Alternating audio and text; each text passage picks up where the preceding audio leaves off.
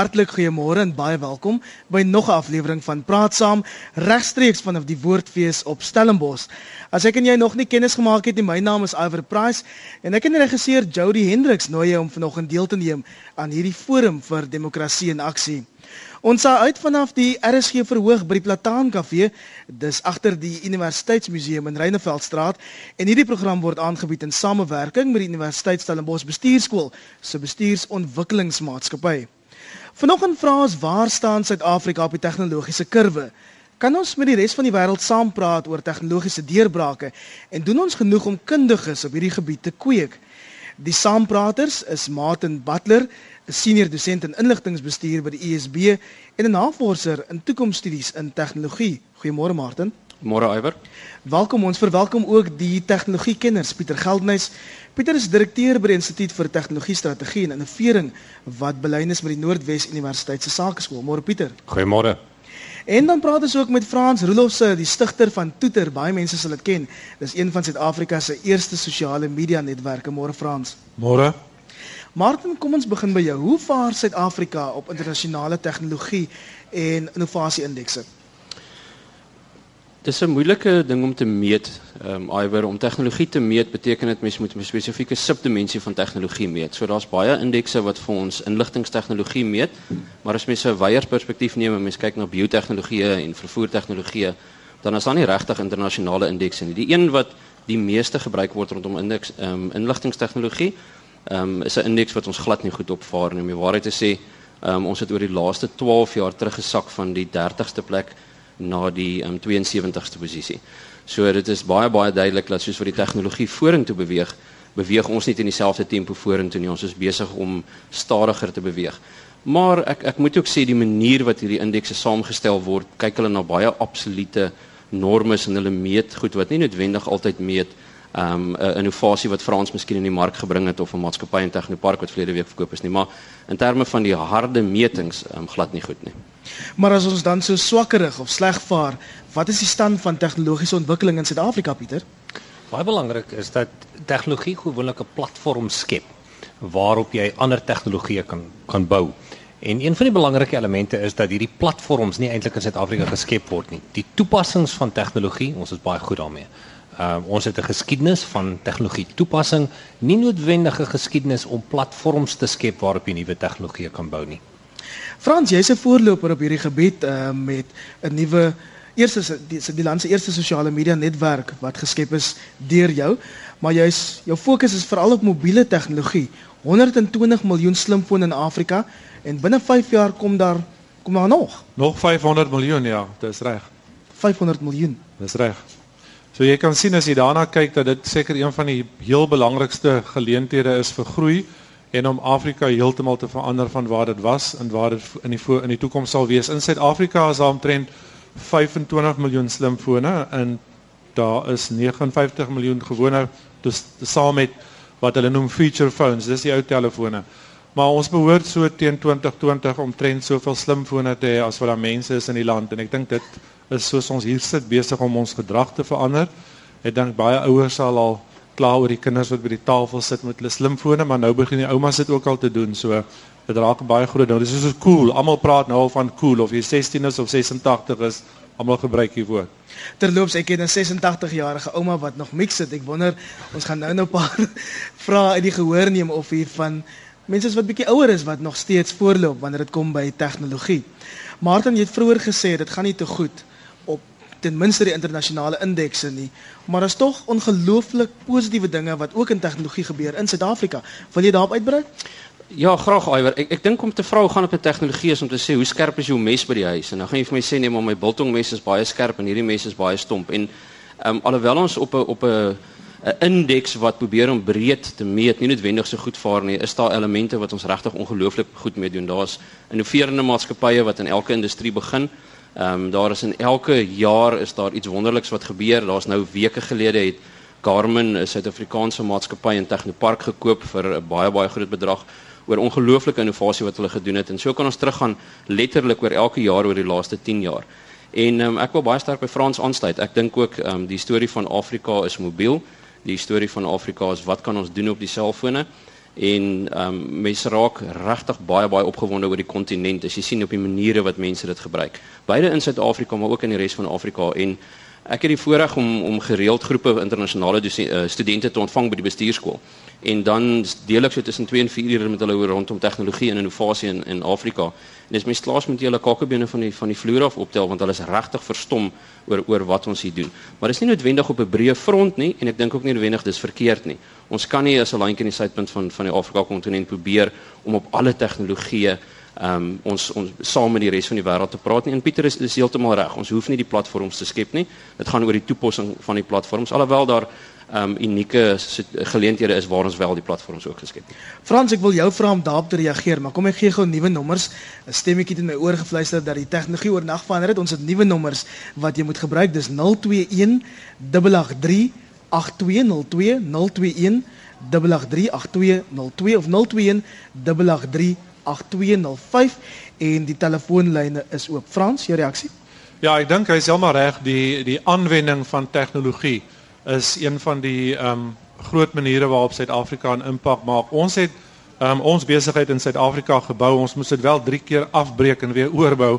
Maar ehm um, dit is tegnologie wat net so slim is soos wat ehm um, die tegnologie in die wêreld is. Daar's 'n baie interessante nuwe boek met die naam van The Second Machine Age waar twee lektore van MIT, dis Massachusetts Institute of Technology, skryf dat hulle sê alles wat gebeur het voor 1776 was eintlik relatief onbelangrik as jy kyk wat toe gebeur het met die um, stoom engine en dinge moontlik gemaak het wat nooit naaste by moontlik was nie. Het daai kurwe net so opgegaan. Hulle noem dit 'n inflection point. Ek het nou nie die Afrikaanse woord by my op die oomblik nie. En hulle sê dat um, ons is nou op die punt waar dit weer aan die gebeur is. Die tegnologie rondom ons is so slim dat dit soveel goeders kan doen waarvan ons nie weet nie. En ek dink um, dis waarby ek wil aansluit is dat ons moet meer vir mense vertel wat ons doen en wat ons kan doen waar ons uh, dink daaraan dat ons die die digitale weergawe van Shoprite is. Ons voer onsself uit na Afrika en Afrika, ek wil dit net gou sê vir my baie interessante ding in die ou dae wat tot la 5 jaar gelede of so was, kom mense van Zambië byvoorbeeld na Suid-Afrika, ek het mense dikwels hier ontvang en dan ry ons hulle in Kaapstad rond en dan sê hulle kyk net na hierdie plek dis ongelooflik die teerpaaie jy het 'n nuwe motor. Want waar hulle is het hulle 'n ou motor en 'n grondpad of 'n pad met 'n klomp uh, gate in. Vandag is dit nie meer so nie. Vandag staan daai selfde persoon van Afrika onder 'n boom buitekant Kenia en hy gebruik of verbruik of sy die data net soos ek en jy dit doen. As ons hier 'n video speel van Bobby van Blerk speel daai persoon dit presies dieselfde net so gesofistikeerd en dit is die groot game changer soos hulle in goeie Afrikaans sê. Bobby van Blerk nog 'n nuwe nuutskepping hier Bobby op van Jaarsveld. Kom ons gaan lyne toe. Connie, goeiemôre. Jy wil praat oor 'n nuwe satelliet wat gevestig is. Ja, môre Iwer, jy het seker interessante gaste daar. Ek wil graag hoor of een van hulle vir ons 'n bietjie meer kan vertel vir al die luisteraars oor die CubeSat. Kyk, as vir hierdie jaar is die eerste nano satelliet Ek dink dit was hier 10 November uh in 2013 al het wat in die ruimte oorleef het en in die satelliete nanosatelliet weeg maar 1,2 kg en is in Rusland gelanseer. Ek weet studente en dosente van die Kaapse Skiereiland was daarmee betrokke as ook 'n Frans die die, die, die Frans-Suid-Afrikaanse Instituut vir Tegnologie. Nou kan hulle dalk vir ons 'n bietjie sê wat monitor die manne ons gaan nie nou kom by die uh, Russiese spionasie satelliet nie. Dit is seker 'n onderwerp vir 'n ander dag want daai satelliet weet ek nie wat gebeur daar nie. Maar in elk geval die span werk ook reeds aan 'n tweede nanosatelliet vir lansering in 2016. En uh, hy staan hy hy's 3 keer groter as die Chapizo satelliet. En en dit gaan vir ruimteobservasies en meer gevorderde aardobservasies gebruik word. Kan 'n bietjie vir ons uitwy oor dit? Ek luister en 'n mooi dag vir julle. Mooi dag Connie. Ehm um, jou reaksie, Martin? Ongelukkig het jou inbeller reeds alles gesê wat ek ook weet, Iwer. Ek weet van die weet van die van die satelliet, ek weet van die van die ehm um, enorme goeie werk wat daar in Kaapstad gedoen word, ehm um, die opleiding wat saam met die Fra van die Franse gebeur, die ruimteinstansie gebeur en dan is daar ook 'n ander inisiatief ehm um, Africa to Moon. So daar's 'n inisiatief wat ons sê ons wil graag uit die kontinent uit ook ehm um, lanseer vermoë ontwikkel want soos jy in Biller gesê het hierdie spesifieke satelliet is dan van Rusland af ge, gelanseer wat nie uniek is nie baie Europese en selfs Amerikaanse satelliete word ook van daar af gelanseer. Ehm um, ongelukkig nie, behalwe dat ons enorm trots daarop moet wees dat ons die tegnologie met Franse hulp in Suid-Afrika ontwikkel het en wat wel ook waar is die satelliet, die eerste ene moes reeds lankal ehm um, nie meer met ons gesels het in terme van sy ontwerpsleeftyd nie en hy gesels nog steeds lekker terug. Hy monitor nog steeds wat hy moet doen want hy leef langer as wat hy voorontwerp was. 0218838202 of 0218838205 en Ons gehoor hier by Plataan Kafee, moenie te gerus raak nie. Ons gaan nou-nou met 'n mikrofoon hier omkom en 'n paar vrae of opmerkings, aanmerkings ook uit die gehoor neem. Pieter, watter segmente van die ekonomie beleef tans die grootste veranderings as gevolg van groot skuiwe op tegnologiese gebied? Ek dink een van die grootste impakte gaan wees in die wêreld van vermaak, televisiekanale. Ons sien in die volgende paar jaar dat jy um, enige TV-program of rolprent eenvoudig kan aanvra via die internet. Um omtrent 30% van die internetverkeer in Amerika is suiwer nou op Netflix. En dit beteken jy druk 'n knoppie en jy kyk na 'n program en met al hoe meer en meer vesel wat ons in die land gaan hê, gaan dit 'n groot impak hê. So um in terme van vermaak geweldige veranderinge. Ons moet ook besef dat ons in Suid-Afrika een van die mees gevorderde finansiële stelsels het jy kan omtrent enige kafee in die land inloop en hulle sal een of ander kaart aanvaar vir betaling. So ons moet besef dat ons finansiële stelsel alhoewel dit nie hierdie groot spronge in terme van innovasie is wat ons altyd verwag nie, is dit 'n duisend klein spronge en iemand wat in 'n bank gewerk het 20 jaar terug gaan glad nie meer 'n bank herken vandag nie. So ongelooflike veranderinge in die finansiële omgewing. Ehm um, maar ons moet ook nie die die boerdery omgewing misken nie. Ehm um, daar's geweldige interessante toepassings van tegnologie. Ehm um, dis nie aardskuddend nie, maar dit is heeltemal gepas vir die omgewing waarin ons is. En um, dan as ons oor die spektrum kyk, is daar hier elke hier en daar ongelooflike tegnologie wat ons sien.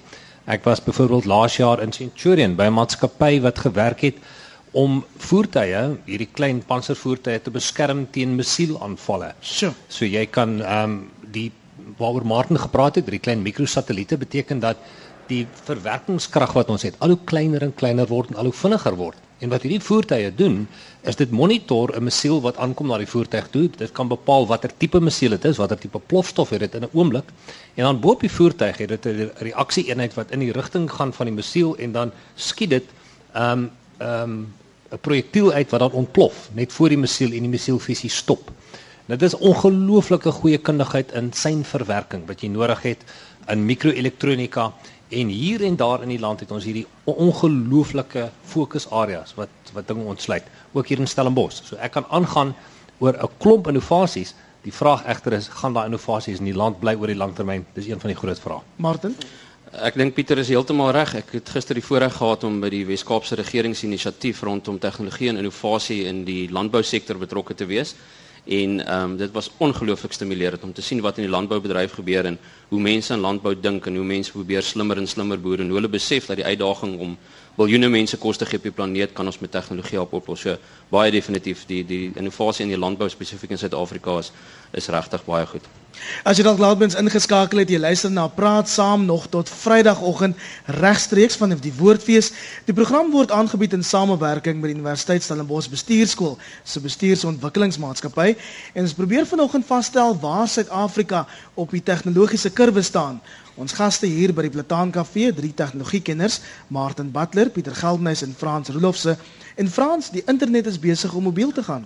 Ja, dis een van die grootste verskynsels wat mense ja waarskynlik nie weet nie. In die 4 jaar wat ons besig was om ons uh, netwerk uh, na te vors en te bou, het eintlik die geboorte daarvan want jy weet in 2007 was maar die geboorte gewees van die slimfoon toe Apple die slimfoon op die mark geplaas het en die kenners sê en die nuutste economist wat ek hier saamgebring het praat oor planets of planet of the phones en sê dat dit is eintlik die tegnologie wat die vroeë 21ste eeu definieer.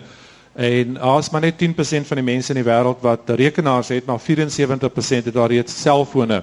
So dan kan 'n mens dink hoe groot die internet gaan wees. En net 'n interessante ding om aan te sluit by die ekonomie.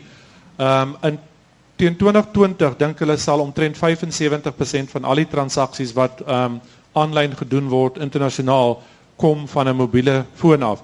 So as u dink u het nog iets gekoop nie of gaan dalk nie maklik iets koop met daai slimfoon in jou sak nie, dink weer want dit gaan definitief gebeur en dit gaan die wêreld vir ons heeltemal verander en ehm um, ook sal ons dit nou in Suid-Afrika kan aanhou of sal ons dit nie kan aanhou nie. Ek dink ons almal saamstem, ons Suid-Afrikaners is planmakers. Ons ons los goed op. Ons laat eenvoudig nie 'n padblokkade in ons pad staan nie. En 35 jaar gelede sal ek onthou was 'n professor hier gewees by bedryfsekonomie en hy het vir ons gesê dat eendag sal jy jou ehm um, jou koerant op 'n rekenaar kan druk. Nou jy moet weet die re enigste rekenaar by die universiteit was toe die ingenieursgebou. So groot was die rekenaar gewees. En wat ek met my op in my hand het op die oomblik is net meer kragtig as daai rekenaar.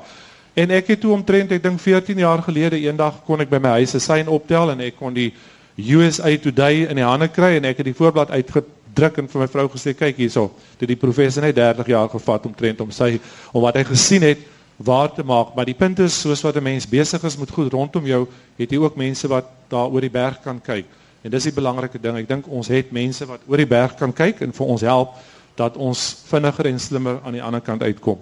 Terloops, die woordfees op Stellenbosch is vanjaar vir die eerste keer 'n kontantlose omgewing. Dis nogal iets fascinerend om te aanskou hoe duisende woordfeesgangers hier rondloop sonder 'n sent in hulle beursies en oral betaal jy met 'n kaart. Dit is so 'n tik-tik besigheid. Dis nie eers die ding wat ons in die gewone winkels deesdae doen nie. Vertel ons van die grootste tegnologiese deurbrake wat ons in Suid-Afrika en Afrika gesien het. Ek dink nou aan soos van die verwikkelinge in Kenia, Martin. Ek dink ek dink dat Suid-Afrika daar 'n redelike klomp interessante goeders gedoen. Daar's 'n klomp ehm um, ons weet almal van Mark Shuttleworth. Ehm um, ek is baie baie verbaas dat minder mense van Elon Musk weet alhoewel hy natuurlik op 18 jarige ouderdom Suid-Afrika verlaat het. Rolof Botha wat ook baie baie nou betrokke was by PayPal. So iwer het begin enige iets van 'n van 'n loodgieter wat um, moeg geraak het daarvoor dat sy vrou vrou kla oor die oor die blare in die swembad en toe die creepy crawly ont, ontwikkel het ehm um, tot um, ons wat wat Duitse tegnologie geneem het en vandag voorlopers in die wêreld is in terme van ehm um, brand, brandstof uit steenkool uitmaak. Ehm um, daar's daar's 'n klomp baie baie wonderlike goed wat gebeur. Wat ek in Oos-Afrika sien wat nie noodwendig so in Suid-Afrika gebeur nie, is die aanwending van tegnologies vir 'n sosiale impak. Um, en as ons gaan kyk na die tegnologiese indekse ook, hulle breek dan nou hierdie indeks af en dis sien ons sit op die 72 posisie. Maar dan sê hulle hoe die regering dit aanwend, sit ons op die 103de posisie en die sosiale impak 113. So wat mense in Oos-Afrika baie sterk sien is dat mense mobiele tegnologie gebruik om dan 'n impak in mense se lewens te maak. Ek dink een van die wat dadelik wat ek dadelik aan dink is um, hulle 'n applikasie ontwikkel waar mense dood eenvoudig kan luister na die hartklop van 'n fetus deur die foon eh, met 'n spesifieke stukkie hardeware op 'n op 'n verwagtende dame te plaas en hierdie stuk hierdie algoritme luister dan na die fetale hartklop en hy kan dan sê um, die baba is relatief gesond of jy het 'n probleem jy moet by 'n kliniek uitkom. Nou die teenreaksie is onmiddellik maar dit is nie 'n dokter nie. Dit is waar maar as jy in Afrika bly en jy het 100 of 200 km om by 'n dokter uit te kom is daai onmiddellike stukkie inligting wat 80% akkuraat is en enorm baie werd. So daar's daar's daar's regtig ongelooflike goed. Die die een wat ek vinnig net wil noem wat so bietjie onder die radar deur gegaan het Um, ek dink is die maatskappy in Technopark wat so 3 weke vir terug in Garmin verkoop is. En um, hulle het 'n ongelooflike toestel ontwikkel wat 'n 'n lae energie radar gebruik wat mens onder in 'n in 'n fiets se sitplek vassit. Hy skandeer dan die pad na die agterkant toe en soos wat voertuie aankom, tel hy die voertuie op. En dan staan 'n tweede tweede uh, stukkie, ek dink katoeter is 'n mooi Afrikaanse woord vir die gadget, wat dan voor um, die persoon sit wat wat besig is om fiets te ry en hy dui dan met 'n liggie aan hoe die voertuie van agteraf aankom. Hy dui hoeveel voertuie die spoed en alles en ehm um, hulle het 'n rukkie daarin ontwikkel en ehm um, dit is besig om nou wêreldwyd uitgerol te word. Uit Centurion laat weet Helmin my oom Jan Greef van George word in April 90. Hy het onlangs begin Facebook. Johan sê tegnologie soos rekenaars en satelliete is slegs die gevolg van tegnologiese kundigheid in mense se koppe en die vaardigheid in mense se vingers. Ek dink nou ook aan ander verwikkelings Pieter soos M-Pesa wat ek al in in Kenia sien werk het. Hoe vergelyk tegnologiese verandering in Suid-Afrika met die res van die wêreld? Kom ons kyk vinnig na M-Pesa. Ehm oor die verkiesingsperiode in Kenia so 'n paar jaar terug het al die banke toegemaak en toe was daar absoluut geen ander vermoë vir hierdie vir Keniane om geld uit te ruil nie. En ewe skielik was die omgewing daar waar M-Pesa ont, ontpop het in terme van gebruik. Ehm um, hulle het probeer om dit in Suid-Afrika uit te rol, maar die finansiële omgewing in Suid-Afrika is so sterk dat dit nie baie goeie ehm um, aanvaarding gekry het nie. Daarom en die rede hoekom ek 'n voorbeeld gee, is dat elke land uniek lyk in terme van die aanvaardingskurwes van verskillende tegnologie. Oorsee in Amerika byvoorbeeld, as jy elektroniese kupon aan iemand gee op sy foon, is hulle absoluut mal daaroor, want hulle gebruik al vir die laaste 50 jaar kupons en as jy nou 'n elektroniese kupon op jou foon kry, dan gebruik almal dit. Rol ons dit in Suid-Afrika uit, gebruik niemand dit nie. So ons moet besef dat die gebruikersaanvaarding van tegnologie 'n baie belangrike rol speel as die tegnologie self.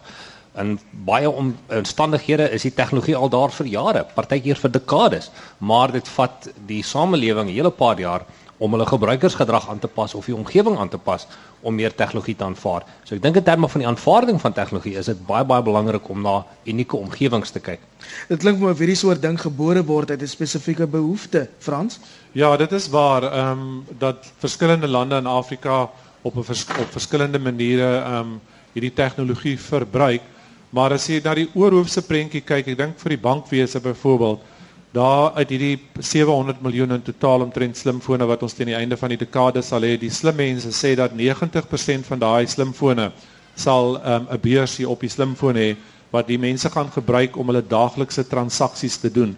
Nou stel jy net voor, enige bank, bank A wat nog nie bestaan nie, kry 10% van daai mense om sy beursie op daardie slimfoon te sit. Dit praat ons van 70 miljoen mense Daar's nie ek dink 'n bank wat 7 miljoen kliënte maklik het in Afrika nie. So dit is ook 'n totale ander manier van dit te gebruik en dit is so in Suid-Afrika is daar baie minder mense wat ehm um, wat hierdie mobiele betalings gebruik as byvoorbeeld in Kenia, maar ek dink soos wat die tegnologie rondom jou al meer sigbaar raak en die to, die tweede of die derde of die vierde keer as u iemand sien wat sy foon net so hou na die na die uh um kelner en klaar betaal het, dan gaan jy ook begin dink om dit te doen. Vandag is daar baie min mense wat dit nog doen in Suid-Afrika.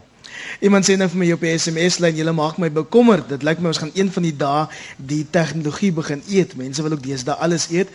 Jody staan gereed met die mikrofoon as daar dalk mense is wat vrae wil stel aan ons paneel vanoggend, dalk 'n opmerking wil maak. Ehm um, Geen net so aandering dan weet ons waar jy sit en dan kan Jody met die mikrofoon bietjie nader kom. Wat maak jou bekommerd, Martin? Ek dink dit dit maak my bekommerd dat ons altyd dink dat ehm um, tegnologie of die gebruik van tegnologie gaan altyd oor die beste en die nuutste tegnologie. Ek dink daar's iets soos relevante tegnologie vir die situasie. Byvoorbeeld in Afrika jy 'n enorme hoeveelheid fone en en Frans is heeltemal reg in terme van die slimfone. Maar voordat daar slimfone is, is daar reeds 'n klomp applikasies wat ons op gewone fone kan sit en ek dink baie keer dink mense dat 'n nuwe toepassing of iets wat regtig 'n impak kan maak is die nuutste en die wonderlikste ding en is baie keer om te kyk na van die tegnologie wat ons byvoorbeeld vir mobiele bankwese gebruik, M-Pesa spesifiek, is tegnologie wat 15, 20 jaar oud is, maar is toepaslike tegnologie vir daardie spesifieke omgewing. En ek dink die tweede dimensie wat my bekommerd maak is jy net nou net so vinnig daarna verwys is die opleiding om seker te maak mense die vermoë om dit te doen. Want jy is heeltemal reg, tegnologie gaan oor die vermoë om te skep en die vermoë om toe te pas en ek is nie oortuig dat ons in ons in ons onderwysstelsel um, genoegsaam aandag daaraan gee en genoegsaam aandag gee en en dit, dit gaan nie noodwendig oor nuwe tegnologie nie dit gaan oor die goed wat ons al vir 30 en 40 jaar lank praat ons moet regtig goeie goeie wiskunde goeie wetenskapopleiding doen want dis die mense wat vir ons gaan help om toepassings te bou, maar is ook nie mense wat gemaklik is om hierdie toepassings te gebruik. Jy luister dan praat saam op 100 tot 104 FM enige plek in die wêreld by rsg.co.za. Ons saai uit vanaf die Woordfees op Stellenbosch by die Plataan Kafee. Dit reën stof en roet. Die wêreld is omtrent vol rookwolkies, maar baie dankie aan die gehoor wat hier is. En Jody, met wie praat ons eerste vandag? Ons het vir Simon Adams en hy het 'n vraag oor intermen, intermenslike verhoudinge. Simon, goeiemôre. Goeiemôre, Aiwa. Ek ek ek sou net wou weet en uh, ek gaan nou baie konservatief klink in terme hiervan met hierdie tegnologiese ontploffing wat ons ervaar en dit wat ek nog gehoor het in die sosiale impak en meer my kommer is oor ons intermenslike interaksie, ons intermenslike verhoudinge, ehm um, oor die breë spektrum. Hoe affekteer dit eh, kom kom ek sê vir ek kom uit 'n tradisionele gemeenskap uit waar jy weet ons ehm um, nie hierdie tipe van goed gehad het nie. Deesdae kan jy alles doen telefonies, jy kan alles doen op jou rekenaar of, of die meeste van die goed. Maar hoe gaan dit, dit is eerste vraag, ons intermenslike verhoudinge affecteer? Hoe gaan het ons mensen wat nou niet zo gezond is, bewust is niet, affecteer? In termen van, je weet waar ons daartoe zo gestapt het, hiernaartoe zo gestapt het, maar nou tel ons net dat klein dingetje op en ons praat met elkaar. Wat is die impact daarvan? Nou is toch gepraat voor de sociale goed, maar ik zou net dit wil weten. Baie dankie Simon en daar's heelwat luisteraars met soortgelyke menings hier op die SMS lyn. Pieter, ek gaan vir jou vra om te daarop te reageer. Die belangrikste ding om te besef is dat tegnologie heeltemal onafhanklik is. Dit is wat ons as mens daarvan maak wat dit definieer. So ons kan enige tegnologie of positief of negatief aanwend. Ek het baie keer die ge- geval gehoor waar iemand sê maar ek hou nie van die ATM masjien nie want ek het so lekker gekuier met die mense in die bank. Ehm um, wat ek dan gewoonlik sê is gebruik jy ATM en gaan dan bank en gaan dan na 'n kafee toe en gaan sit en drink koffie en doen nog steeds die kuier. Maar ehm um, ons moet besef dat ons getalle op aarde dramaties toeneem in terme van populasie. En uh, 200 jaar terug het iemand met die naam Thomas Malthus gesê dat as ons nie tegnologie aanvaar nie, dan gaan die hoeveelheid mense op die planeet meer word as wat die vermoë wat ons het om hierdie mense te kan ondersteun in terme van kos, infrastruktuur en en, en, alle ander dinge. En daarom beteken dit dat ons werklik na sekere tegnologieë moet kyk of dit nou biotehnologie is wat ons kosse verander. Hierdie is dinge wat etiese vraagstukke opbring, maar die vraag is as ons dit nie doen nie, dan val ons in Malthus se se se gat in. En dis 'n baie belangrike ding om te besef. My antwoord in terme van sosiale interaksie is jy het nog steeds die keuse. As jy op 'n fiets wil klim en inry, jy hoef nie jou, jou oproep te maak nie. Klim op die fiets en ry in. Dit bly nog steeds jou keuse. Frans? Ja, ek dink dat ehm um, 'n mens moet die gesindheid openbaar dat ons tegnologie moet omarm in plaas daarvan dat ons dit wegstoot. En dan wil ek net twee goeie sê. Die ene is dat die dat ons ehm um, emosionele opset vir ander mense nie sommer net nie. Ons gaan nou binnekort mobiele TV bekendstel. En dit is TV en aanlyn video, maar in ons brein is TV mos die groter ding. So 'n mens bly by daai soort van ding en jy verander nie sommer mense se persepsie of se gevoel of se emosie daaroor nie. Die tweede ding wat ek net wil sê is dat hierdie ehm um, tegnologie veroorsaak ook dat ons baie meer ehm um, openlik is met gedrag, met ander woorde baie wangedrag wat in ons ou tradisionele gemeenskappe onder die kombers of onder die tafel ingevee is word nou geopenbaar as gevolg van die feit dat ons die tegnologiese vermoë het. So in daai opsig dink ek is dit 'n baie goeie stuk tegnologie. As daar van die luisteraars in die gehoor is wat dalk interessante katoeters en goeters gebruik, ehm um, ek sal graag van jou wil hoor. Jody, staan hier rond met die mikrofoon, gee net vir ons 'n aanduiding en dan praat ons gerus daaroor. Martin, interessant, jy het verlede week vir die eerste keer 'n universiteitsvak aangebied oor wat julle noem in Engels DQ, dit staan vir digitale kwotient. Nou ek het al gehoor van emosionele kwotient. Wat is dit? Iwer ons het ons het agtergekom ons luister maar baie sterk na ons mark en ons het agtergekom dat studente vir ons sê ek, ek dink die vorige spreker het, het 'n geldige punt om te sê dit het 'n sosiale impak. Ehm um, so ons het agtergekom dat dat bestuurstudente vir ons sê is ons verstaan nie regtig hoe om op te tree in hierdie nuwe digitale wêreld nie. En ehm um, ek dink die sosiale impak is iets wat ons nog verder navorsing ook moet doen. Ek stem saam met die twee vorige sprekers. Ek dink ons moet um, dit ook omarm. Maar wat ons in hierdie vak gedoen het en en een van die voorbeelde byvoorbeeld is mense praat oor nuwe tegnologie. Ons vergeet dat 700 jaar gelede ehm um, toe Gutenberg die drukpers uitgevind het, ehm um, was daar 'n enorme opstand geweest en gesê maar kennis behoort in kloosters en by die intellektuele en universiteite. Hoe kan iemand so ontsaglik onverantwoordelik wees om boeke te druk en vir gewone mense boeke te gee? En en en dit het jare geneem voordat mense gesê het maar dit is eintlik 'n tegnologie wat die wat die wêreld gaan verbeter. So ons het nou doeteenvoudig net gaan sê in 'n nuwe omgewing Jy sit um, een van die grootste uitdagings wat dosente studi studente vir ons sê is jy sit in 'n bestuursvergadering en die mense sit met skootrekenaars en hulle luister nie wat aan die vergadering aan die gang is nie met die linker oog lees die e-pos en die regter oog is op Twitter en ons weet nie waar waar die persoon se se kop is nie. So ons het gaan kyk na jou digitale kwotient wat ons hulle gaan gemaklik maak het met die met die wêreld daar buite. Ehm um, hoe al die tegnologie werk en ek moet vir jou sê die terugvoer van die studente wat nie Ehm um, soos die vorige 100 jaar deur die interne prosesse van die Universiteit van Stellenbosch gekom het nie waar direk op Twitter was. Ehm um, so as mens uit die klas uitloop, dan gaan jy sommer gou op Twitter en dan kan jy sien wat dink die studente van jou klas was enorm positief geweest. Ons was regtig baie baie positief geweest en hulle sê ehm um, dis die goed wat ons nodig het om te bestuur in hierdie nuwe omgewing. Alta Oosthuizen sê vir my ja, tegnologie is wonderlik en ons in die buiteland kan glad nie funksioneer sonder dit. Nie die enigste probleem wat ek daarmee het is dat dit jou privaatheid absoluut skend. Julius Bramley sê ek hoor graag wat julle dink van ons internetspoed en koste na aanleiding van die persvrystelling van Frans Cronje dat die spoed en koste 'n negatiewe uitwerking het op die ekonomie. Wat verwag jy in die volgende 100 jaar, Pieter? Ek daar's baie dinge wat gaan gebeur en dit is baie moeilik om dit te voorspel, maar ek dink daar's twee tendense wat baie duidelik uitstaan in die volgende 100 jaar. Eerstens gaan ons die skeppers wees van ons eie evolusie. Dit beteken ons gaan kyk na DNA-veranderinge om seker te maak dat as 'n iemand se gebore sou word met 'n met 'n baie ernstige siekte, ons dit miskien kan stop. So ons gaan kyk na DNA veranderinge. Die siekte kan stop. Korrek. So ons gaan kyk na sekere DNA profile waar waar ons ehm um, kan agterkom of iemand byvoorbeeld 'n baie hoër kans vir ehm um, Alzheimer byvoorbeeld sal hê.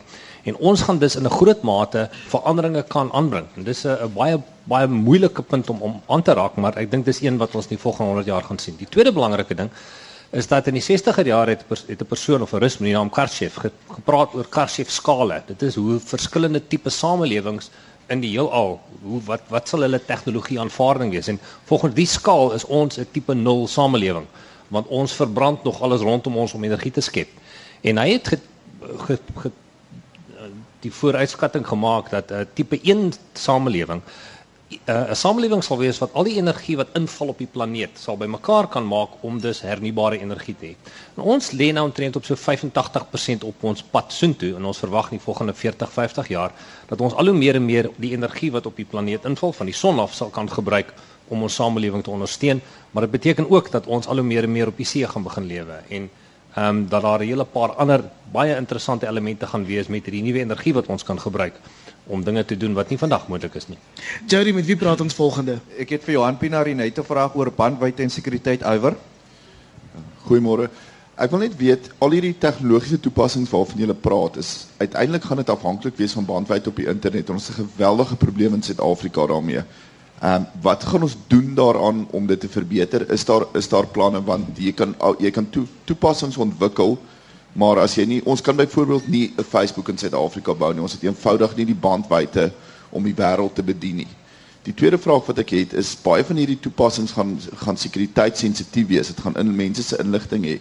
Wat doen ons om mense op te voed om meer sekuriteitsbewus te wees? Ons sit op die oomblik in Suid-Afrika met 'n probleem waar een van ons grootste boekhoupakkette sekuriteitsloos is en geweldig hoeveelheid inligting wat nou beskikbaar is aan mense. Hoe hoe hoe, hoe voorsien julle die planne om dit te hanteer? Frans. Ja, net uh, breedweg ehm um, wêreldwyd ehm um, is die koste van um, die aflaai van data val en dit sal aanhou val. Was 'n paar jaar gelede 8 ehm um, ek dink 8 dollar vir 'n eenheid, dis nou 'n paar sent. Suid-Afrika is agter, maar ons is op pad soontoe. Die bandwydte en die spoed stadig soms uiters frustrerend. Uh, maar dit is ook aan die val. 'n Mens moet net in ag neem dat op die oomblik is daar so 'n ongelooflike versnelling in die verspreiding of transmissie van data omdat mense ook omtrent uh, meeste van die tyd begin om video's te stuur en dit sal binnekort 80% van alle data wees. Hulle sê um, daar gaan in 'n paar jaar sal daai elke 2 weke sê net maar 5 exabytes van data gestuur word oor die internet. Nou wat beteken dit? Want dit is eintlik 'n betekenislose ding, maar om dit in konteks te plaas, dit is net soveel as al die woorde wat gepraat is sedert die begin van die mensdom tot vandag. So dit gee vir u 'n idee dat die omgewing rondom ons raak al hoe voller en dit raak al hoe moeiliker, maar wat wel aan die gebeur is is dat baie van die tegnologie wat gebou word op die mobiele internetplatforms begin heel eerste met daardie ding om te sê ons moet rats wees en die tweede ding is ons moet dit veilig maak. So jy nou gepraat van 'n boekhoupakket. Jy sal tipies dit vind dat daardie groot goederes wat gebou was vir die statiese internet as ek dit sou kan noem, was baie lomper geweest, was baie stadiger, het baie meer data afgetap om vir jou 'n klein antwoord te gee of 'n prentjie. Jy kan nou as jy die regte tegnologie het, 'n 2 uur lange fliek in 9 sekondes kry om te begin stream soos hulle sê in Engels en dan kan jy dit speel waar jy andersins omtrent vir 3 ure lank sou sit en wag om dit af te laai, maar ek dink dis nou nie 'n volledige antwoord nie. Miskien kan ons ander gesprekslede uh, 'n bietjie meer inligting daaroor gee. Kom ons neem nie eers nog 'n vraag hier gehoor, Jody. Ja, ek het vir Chris Dirksen by my, hy het 'n vraag oor die SKA projek. Wonderlik. Môre, ek wil net graag weet wat was die kriteria en waarom het ons dit gewen? Martin. Chris, ek het absoluut geen idee nie. 100 rand um, vir die regte antwoord. Ehm um, wat ek wat ek wat ek wel kan sê is is ehm um, ek is baie baie teleurgestel dat ons nie 'n baie baie groter storie daarvan gemaak het nie. Ek dink dit is 'n enorme enorme sukses vir Suid-Afrika. Ehm um, ek weet regtig nie ek was nie ek was nie intiem genoeg betrokke gewees by die toekenning daarvan nie. Ehm um, maar die aard van dit is is fisies die grootste wetenskaplike projek in die wêreld op die oomblik en ehm um, ons bou die mees sensitiewe radioteleskoop En ek dink om aan te sluit eintlik by die vorige vraag ook wat my nog meer opgewonde oor hierdie SKA projek maak is die feit dat dit oor um, ontwikkeling gaan. Oor daar's baie baie geld wat deel van daai projek is wat teruggaan na verskillende um, universiteite en um, tegniese universiteite in Suid-Afrika en studente oplei rondom dit. Um, en aan die einde gaan 2/3 van die mees sensitiewe radioteleskope in die wêreld gaan op die Afrika kontinent wees waarvan 'n groot deel in Suid-Afrika. En die ander deel wat mense soms nie sien nie en hoekom ek dink wat ek hartseer is is die gedeelte wat in Australië en Nieu-Seeland gaan word in China gebou. So die skottels wat fisies in Australië en Nieu-Seeland staan word in China vervaardig. 80% van die tegnologie wat in Suid-Afrika en in Afrika is, word binne in Suid-Afrika vervaardig. Dit is so dat ons het Europese vennote en ons het mense wat ons help met die tegnologie self, maar ons ontwikkel die vermoë en ons ontwikkel mense binne in Suid-Afrika. En as jy vandag op die webblad gaan, gaan jy sien die poste geadverteer word vir ingenieurs, ehm um, vir elektriesiëns, vir mense met wat wat ons regtig in in uh, poste voor moet skep om hulle binne in Suid-Afrika in Suid-Afrika te hou. Op die SMS lyn 'n grappie van 'n luisteraar wat sê ietsie oor die woord Twitter en hy sê 'n kennis verwar die woord Twitter met twerking. Dis nou daai dansie wat Miley Cyrus doen waarvoor sy verlede jaar so in die moeilikheid was en hy sê vir sy vrou, "Mmm, jy Twitter mooi man." Dis nog nie te laat om by ons aan te sluit hier by die RSG verhoog op Stellenbosch nie. Ons saai uit vanaf die Plataan Kafee, dis skuins agter die Universiteitsmuseum. Toegang is gratis en jy's welkom om hier jou sê te kom sê.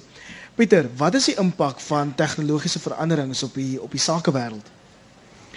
Daar's geweldige veranderings omdat ons nie meer na die tradisionele waardeketting kan kyk um, om ons besighede te struktureer nie. Ek dink aan die elektrisiteit wat uitgekom het 100 jaar terug. Dit het heeltemal van 'n gesentraliseerde energiebron na 'n desentraliseerde omgewing gebruik of uh, beweeg. En ons sien dieselfde in terme van die internet. Die internet is reg rondom ons. En dit beteken ons kan sakemodelle uitmekaar uithaal en weer begin bou. Kom ek noem 'n eenvoudige voorbeeld. Daar's 'n maatskappy daar's 'n maatskappy in uh, Israel met die naam Shahal Mediese Dienste en wat hulle doen is, hulle het 'n klein um, armband, amper so 'n horlosie wat die heeltyd jou hartklop monitor. En as jy 'n hartprobleem het, dan kom hulle voor die tyd en hulle bepaal wat is jou hartprobleem of die uh, ehm um, siekte wat jy kan hê, wat jy het. En as daar dan 'n afwyking in jou hartklop is, dan bepaal hulle dit sentraal en hulle kan dan sien hierdie persoon en hulle vergelyk dit met ander persone met 'n soortgelyke probleem en kan dan baie akkuraat voorspel dat daar 'n 60 70% kans is dat jy 'n hartaanval gaan kry in die volgende uur of 2. En hulle stuur dan 'n ambulans na jou toe en hulle bring jou in en stop dat jy hartaanval kry of as jy dit wel kry, is jy in die beste hande. En dit beteken alles verander. Die tyd wanneer jy die hartaanval kry, waar jy dit kry, wie's rondom jou en die toerusting wat rondom jou is. En dit beteken dat die tradisionele waardeketting heeltemal verander. In die verlede het hulle jou geld gevra om jou te probeer regkry nadat jy die hartaanval gekry het. Nou betaal jy 'n maandelikse tarief om gesond te bly. En ek kan duisende sulke voorbeelde noem van hoe die sakewêreld verander. Ehm um, ek wil baie net vinnig op die vorige luisteraar praat. Ek dink Suid-Afrika is gekies juis vir die rede omdat daar in die Noord-Karoo so min syne is. Daar's nie baie eintlik selfoonsyne en lugverkeer nie en jy het eintlik 'n baie stil omgewing nodig om so diep in die heelal in te kyk. Maar jy het ook die vermoë nodig om al hierdie skottels aan mekaar te koppel. So jy het ook die tegnologiese onderslag nodig waar jy met vesels, super vinnige vesels die skottels aan mekaar kan koppel. Ek dink dit was juist die twee redes hoekom Australië en Suid-Afrika ehm um, op die kortlys was. Jody, ja, die laaste vraag vanoggend kom van Hein en dis oor kunsmatige intelligensie. Uh goeiemôre, ek wil net graag weet ehm um, hoe ver is ons as die mensdom om ehm um, autonome kunsmatige intelligensie te ontwikkel? Want ek dink is Stephen Hawking so 'n van daai ouens wat gesê het dis die enigste ding wat hy werklik vrees. Dankie. Frans. Ja, dis 'n interessante vraag. Ek dink ehm um, 'n mens moet miskien ehm um, ehm um, kunsmatige intelligensie probeer definieer. Daar sal verskillende definisies wees in my gespreksgenote kan dalk bietjie daarmee help. Al wat ek vir julle wel kan sê is as jy nou kyk na die motor, die Google se motor wat ry sonder um, dat daar bestuurder is. Dis 'n soort van 'n vorm van intelligensie, maar dit word alles gedryf deur tegnologie. Daai motor ry in die pad af en hy weet waar is al die blinde kolle rondom jou en dan sal hy presies vir jou sê, hy kyk in daai blinde kolle in en sê dit en dat gaan aan. Ehm um, ek dink vir my is dit nogal ehm um, intelligensie wat my meer bly maak as wat dit my um, bang maak, maar ek sal nogal bietjie sit om 'n motor te bestuur sonder om die stuurwiel vas te hou.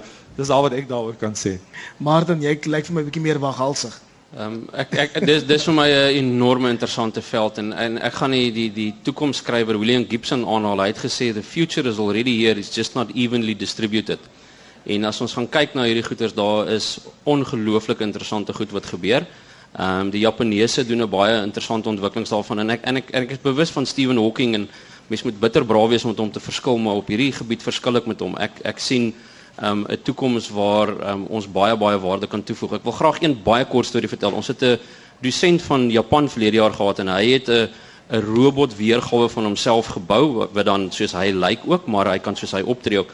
En hy vertel vir ons 'n interessante storie. Hy het toe 'n dubbelbespreking gehad. Hy moes na twee konferensies toe gaan op dieselfde tyd en hy sê toe vir die twee konferensies, um, "Ek het ongelukkige dubbelbespreking. Ek kan nie in persoon kom nie, maar ek het 'n robot wat soos ek lyk en soos ek praat en soos ek kan optree." en ehm um, dieselfde intellek en op vrae kan reageer.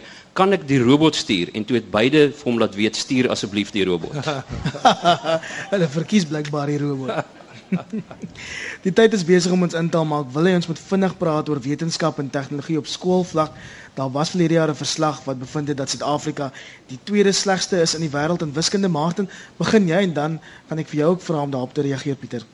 Um, Iver, dis 'n tipiese geval van van 'n meting wat totaal en al verkeerd was. Um, ons is nie die tweede swakste in die wêreld op wiskunde nie. Dit was 'n verslag wat gebaseer is op persepsies wat mense uitgespreek het. Ek dink ons weet almal as Suid-Afrikaners het ons maar hierdie vermoë om bietjie meer swartgallig te wees as wat nodig is. Ons is en, vroeg geeste. Vroeg geeste, pragtige nuutskepping. Ehm um, en en dit en dit is glad nie so nie. Het ons probleme in ons onderwysstelsel? Absoluut. Ehm um, is daar 'n groot verskil tussen die bo-punt en die onderpunt? Ongelukkig en dit is 'n enorme punt. Doen ons studente baie goed in wiskunde internasionaal en dring ons internasionaal deur tot finale rondes van wiskunde olimpiades?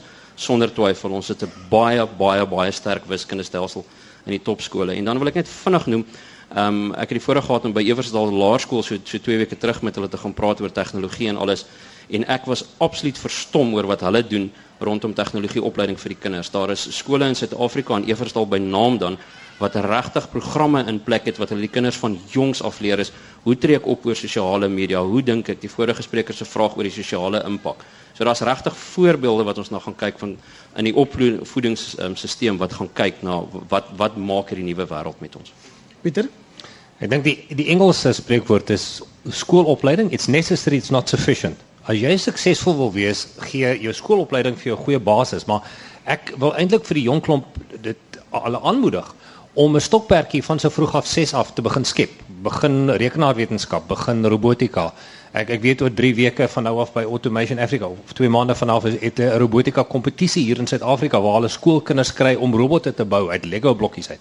Maar begin kyk na rekenaarwetenskap. Ons on, in Suid-Afrika is dit baie belangrik om te besef dis nie net rekenaarwetenskaplikes wat rekenaartale leer nie. As jy 'n dokter of 'n apteker of 'n 'n boer wil word, uh, al hoe meer en meer mense in die wêreld begin dit as aparte taal het. So in plaas van om 'n nuwe taal te leer, leer, leer rekenaarwetenskap aan of 'n rekenaartaal aan, maar dit gee vir jou hierdie vermoë om hierdie ongelooflike intergekonnekteerde wêreld optimaal te gebruik. So my voorbeeld my my finale sêding rakende opleiding is kies iets wat jou wat jou passievol maak.